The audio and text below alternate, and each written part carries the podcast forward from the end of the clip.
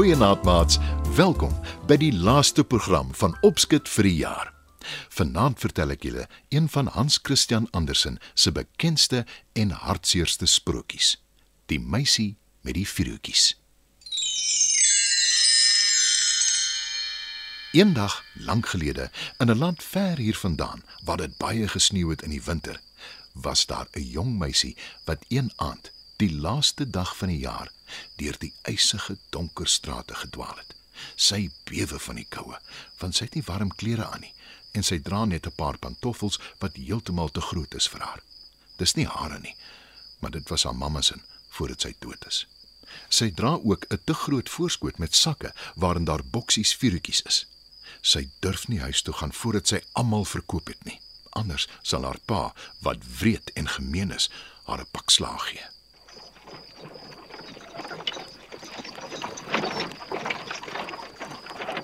Skielik ry daar 'n kar getrek deur perde verby haar. Sy skrik groot en sy verloor die pantoffels soos wat sy uit die pad uitspring. 'n Stout seun gryp dit en hardloop spottend weg daarmee. Die meisie stap nou kaalvoet verder. Moeg, honger en bewend van die koue stap sy in die donker. Die sneeu val op haar hare en sy is sopnat. By al die huise waar sy verbyloop, skyn daar ligte in die vensters. Dis oujaarsaand en die mense in die huise hou almal vrolik partytjie.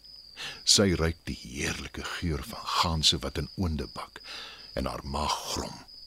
Die ergste van alles is al verkoop sy wel die vuurtjies en sy gaan na haar huis toe, sal dit daar net so koud en droewig wees as in die donker, verlate strate.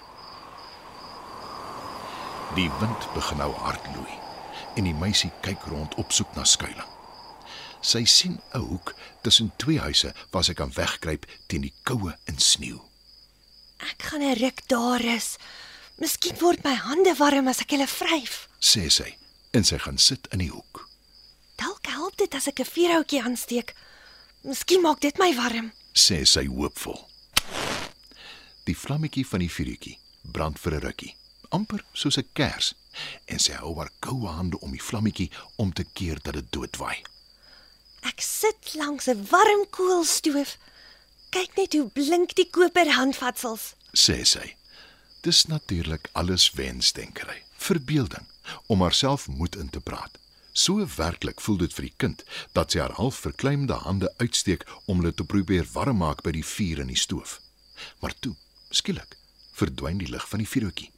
Dit het uitgebrand. Die warm stoof verdwyn en al wat sy sien is die uitgebrande vuurtjie in haar yskoue hand.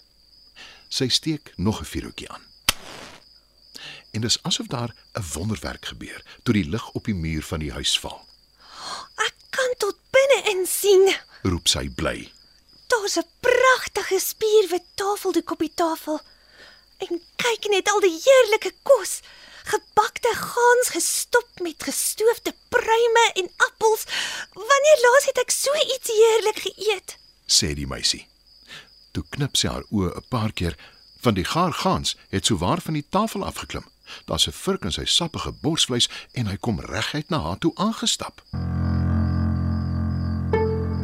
Maar dan gaan die vuurtjie dood en die gans verdwyn. Die meisie sit nog steeds koud en alleen en bibberend teen die muur van die huis. Sy steek nog 'n vuurtjie aan. En skielik verskyn daar voor haar 'n pragtige kersboom met blink ornamente en liggies. Ek sit onder die boom en ek gaan persente kry, nes almal. Roep sy bly.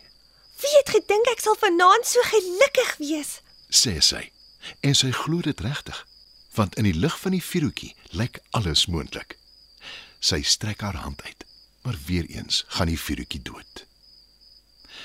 Die kersboom styg in die lug op, hoër en hoër, totdat dit soos 'n ster daarbo lyk.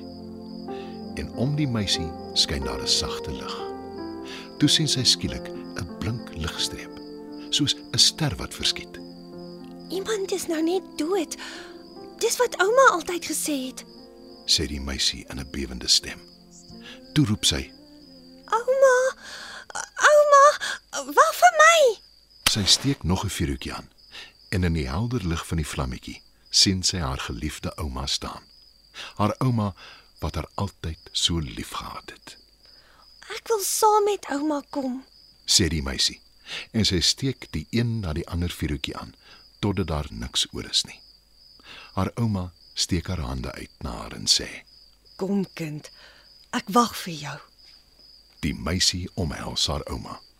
En skielik kry sy nie meer koud nie. Sy het nie meer pyn nie.